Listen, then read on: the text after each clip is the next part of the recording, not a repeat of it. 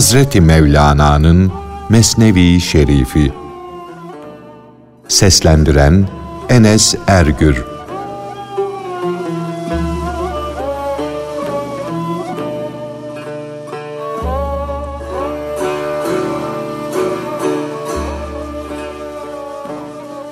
Cenabı Hak'tan her hususta başarıya ulaşmamız için edep niyaz edelim.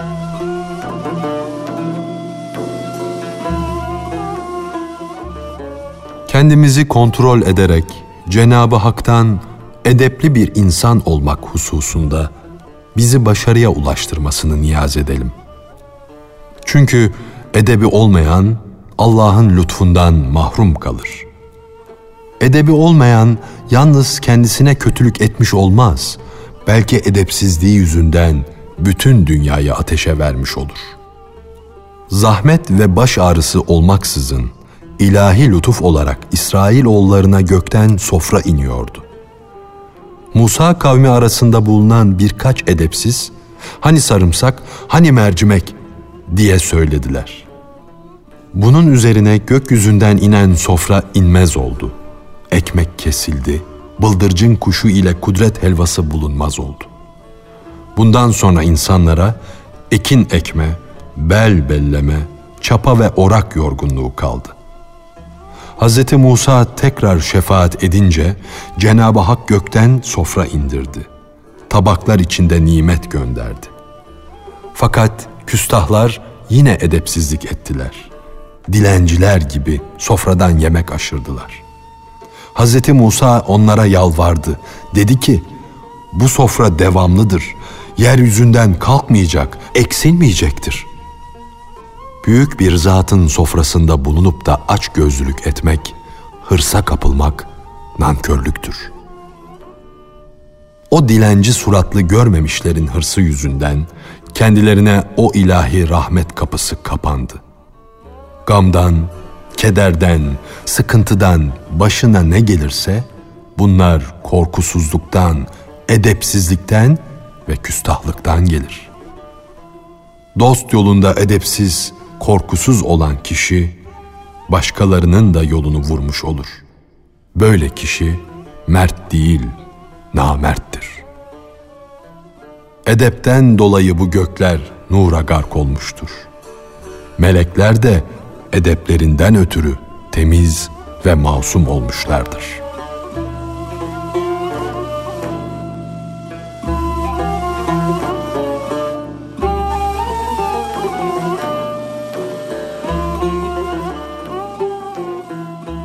Hayal, güneş ve gölge.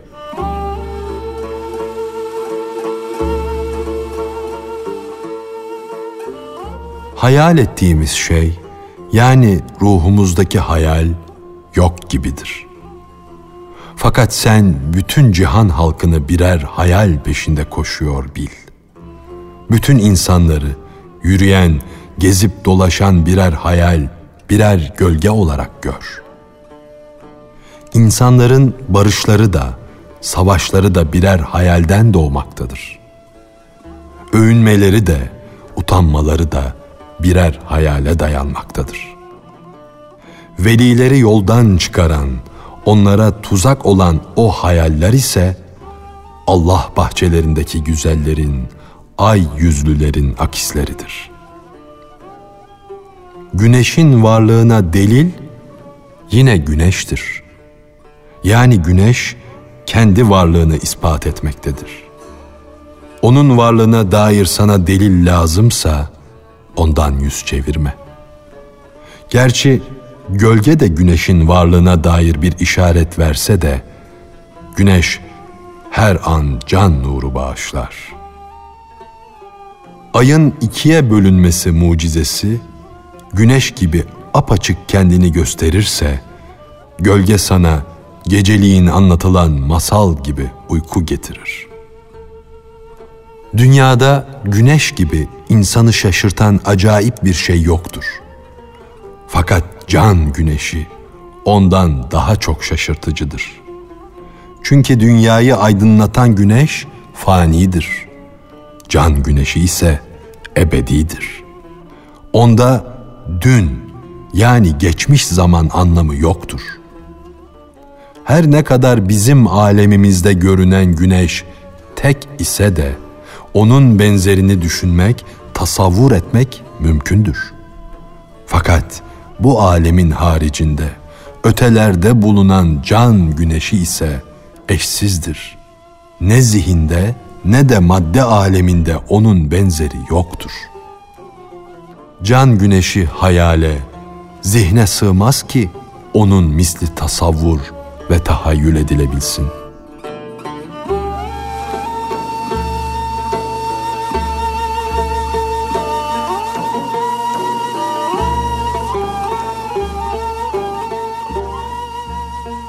Gerçek sevgiliyi nasıl anlatayım?''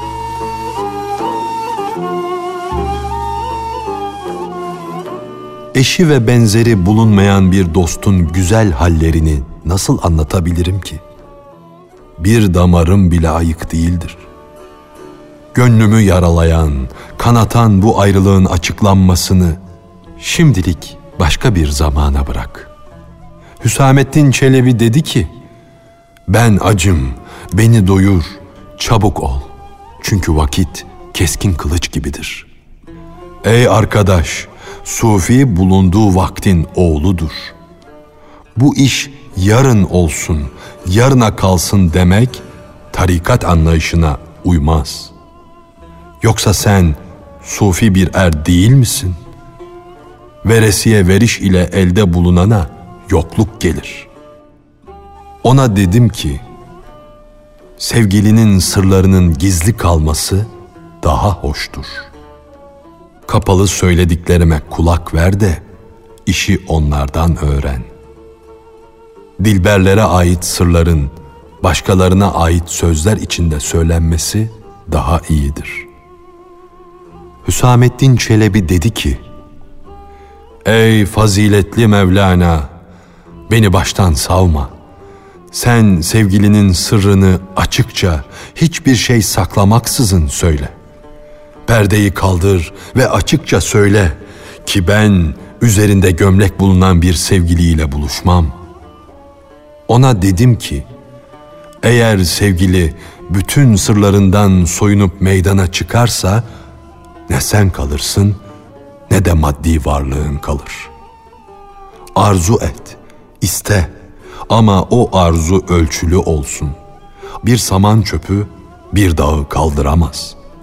bu alemi aydınlatan güneş yörüngesinden çıkıp biraz dünyaya yaklaşacak olsa her şeyi yakar, kül eder. Bizim için o hakikat sultanının Allah'ın huzuruna çıkmaya izin yoktur deme. Kerim olanlarla iş görmek zor değildir.''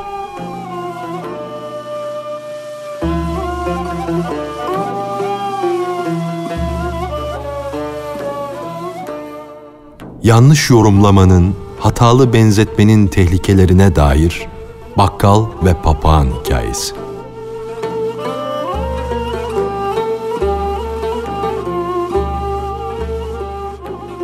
Bir bakkal vardı. Onun bir de papağanı vardı. Bu papağan güzel sesli, yeşil renkli, söz söylemesini bilir bir kuştu. Dükkanda bekçilik yapar, alışverişe gelenlere nükteler söyler, onlarla şakalaşırdı. İnsanlar bir şey sordukları zaman onlara insan gibi cevap verir, onlarla konuşurdu. Papağanlara mahsus ötüşü de pek güzeldi. Efendisi bir gün evine gitmişti. Papağan dükkanda bekçilik yapıyordu. Bir kedi kovaladığı fareyi tutmak için birdenbire dükkana atıldı. Zavallı papağan can korkusundan sıçradı, dükkanın bir köşesine kaçtı. Orada bulunan gül yağı şişelerini devirdi, yağları döktü. Dükkan sahibi evden geldi, huzur içinde patron edasıyla yerine geçti, oturdu. Bir de baktı ki dükkan yağ içinde. Elbisesi de yağ bulanmış. Papağanın yaptığını anladı. Başına vurup tüylerini döktü. Başı kel oldu. Papağan birkaç gün konuşmayı kesti. Bakkal da yaptığına pişman olup ah vah etmeye başladı. Bakkal sakalını yolmakta, eyvah nimet güneşin bulut altına girdi demekteydi. Keşke o zaman elim kırılsaydı da o tatlı dilli papağanın başına vurmasaydım diye yakınıyordu. Papağanın tekrar konuşmasını sağlamak için yoksullara sadakalar, hediyeler veriyordu. Üç gün, üç gece sonra bakkal dükkanında üzgün, şaşkın ağlamaklı bir halde oturuyordu. Bu kuş acaba ne vakit tekrar konuşmaya başlayacak diye düşünüyor, binlerce gam ve kederle vakit geçiriyordu. Papağan tekrar söze başlasın diye ona türlü türlü acayip ve garip şeyler gösteriyordu. Bir aralık dükkanın önünden başı açık bir derviş geçti. Onun saçları dibinden tıraş edilmiş, başı tas ve leğen gibi cas cavlaktı. Papağan onu görünce dile geldi de, ''Ey arkadaş!'' diye cavlak dervişe bağırdı. ''Ey kel! Ne diye kellere karıştın? Yoksa sen de şişeden gül yağı mı döktün?'' Papağanın hırka sahibi dervişi kendi gibi sanmasından, kendine benzetmesinden ve kendi nefsine kıyas etmesinden ötürü halk gülmeye başladı. Farsçada arslan ve süt anlamlarına gelen şiir kelimesi yazıda birbirine benzese de manaları ayrıdır. Bunun gibi sen de seçkinlerin, temiz kişilerin halini kendine kıyas etme. Bütün insanlar velileri kendi nefisleriyle kıyas ettikleri için yoldan çıkmışlardır. Bu sebepten ötürü Allah'ın seçkin kullarından pek az kimse haberdar olabildi.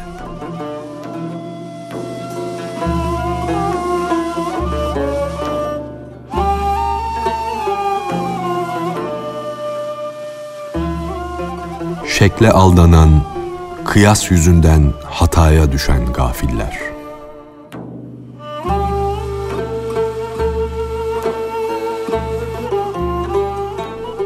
O gafiller şekle aldandılar da peygamberlerle eşitlik davasına kalkıştılar. Velileri de kendileri gibi sandılar.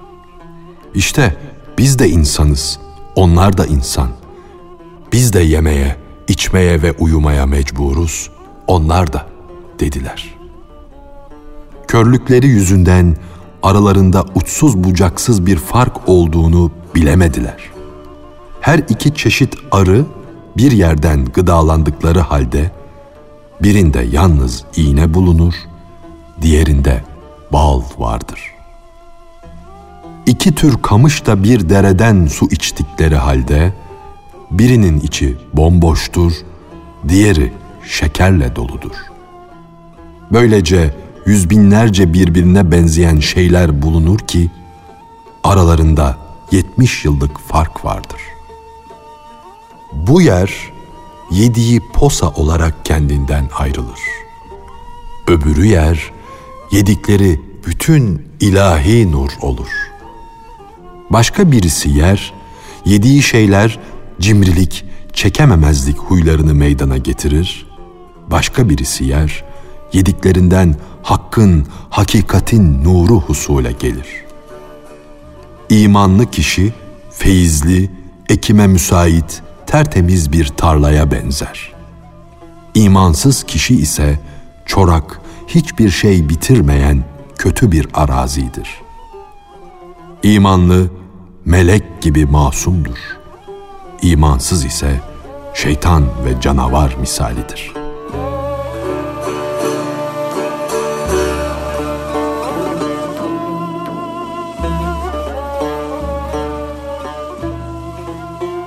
İyi ve kötü kişiler.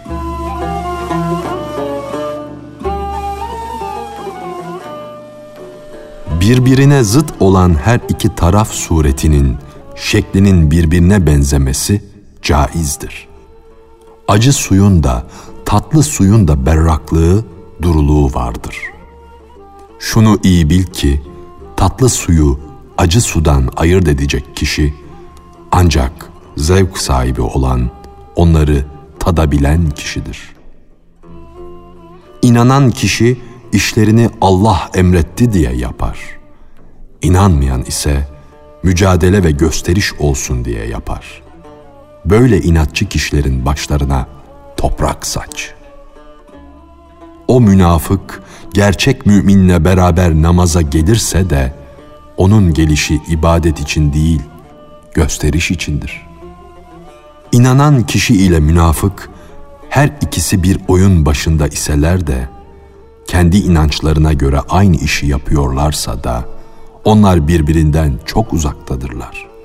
Birisi Merv şehrinde, öteki Rey şehrindedir. Onların her biri kendi makamına gider. Her biri kendi adına yaşar, kendi adına uygun olarak yürür. Dünyada acı ve tatlı denizler bulunmaktadır. Aralarında bir berzah vardır. Onların karışmalarına engel olmaktadır. Şunu iyi bil ki bu iki deniz de bir asıldan, bir kaynaktan meydana gelir. Sen ikisinden de vazgeç. Onların kaynağına git. Şu da bir gerçektir ki kötü kişinin övülmesinden arş titrer. Allah'tan korkan müttaki kişi de kötü met edilince met eden kişi hakkında fena bir zanla kapılır. Kalp altını da, halis altını da mihenk taşına vurmayınca ayarını anlayamazsın. Allah her kimin ruhuna iyiyi kötüden ayırma kabiliyeti vermişse o kimse gerçek imanı şüpheden ayırabilir. Fakat hiddet ve şehvet insanı şaşı yapar. Ruhu doğruluktan ayırır.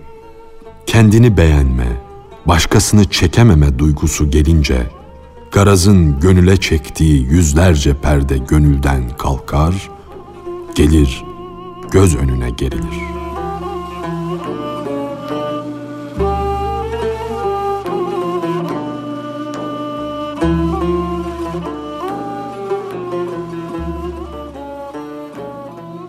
His merdivenleri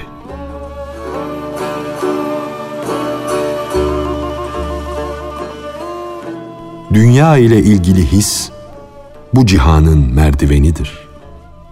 Bu merdivenden çıkarak maddi hayatımızı, geçimimizi sağlarız. Din ile, irfan ile ilgili his ise göklerin merdivenidir. Bu merdiven bizi manevi hayata, gerçek insanlığa yükseltir. Dünya ile ilgili hissin sağlığını hekimden, manevi hissin sağlığını da dosttan, gerçek sevgiliden isteyiniz. Bu hissin sıhhati, vücut sağlığına, ten binasının yiyecek ve içeceklerle onarılmasına bağlıdır. Halbuki manevi hissin sıhhati, az yemeye, az içmeye, az uyumaya, bedeni çok tahrip etmeye dayanmaktadır. Can, kurtuluş yolunu ararken cismi viran eder, yıkar. Onu yıkıp viran ettikten sonra yeniden yapar. Evini, barkını, malını, mülkünü hak uğruna, hak aşkına harcayan can ne mutludur. O altın definesini elde etmek için evini yıkar.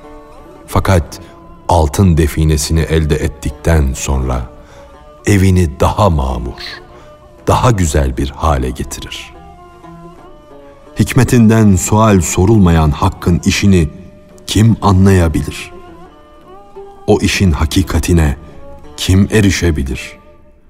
Bu söylediğim sözler ancak anlatmak için söylenmiş zaruri sözlerdir.'' Bazen öyle, bazen de böyle görünür. Bu sebepledir ki din işi hayran olmak, şaşırıp kalmaktan başka bir şey değildir.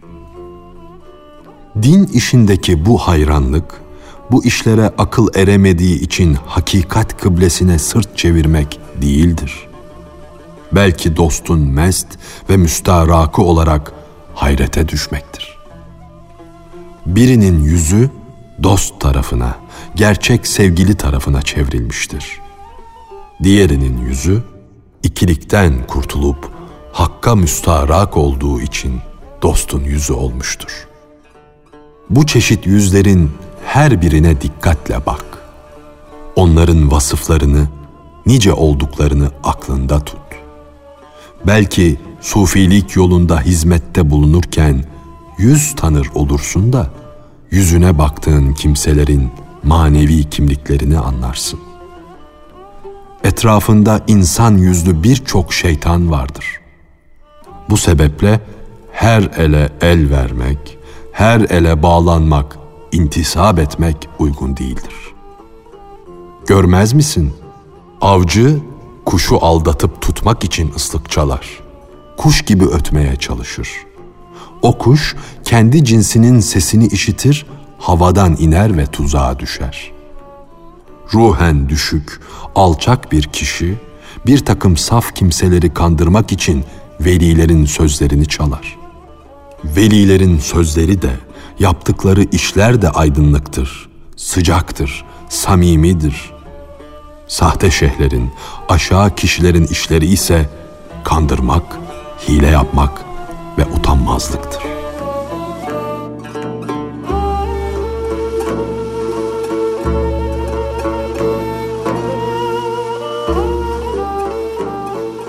Hazreti Mevlana'nın Mesnevi Şerifi. Seslendiren Enes Ergür. Enes Ergür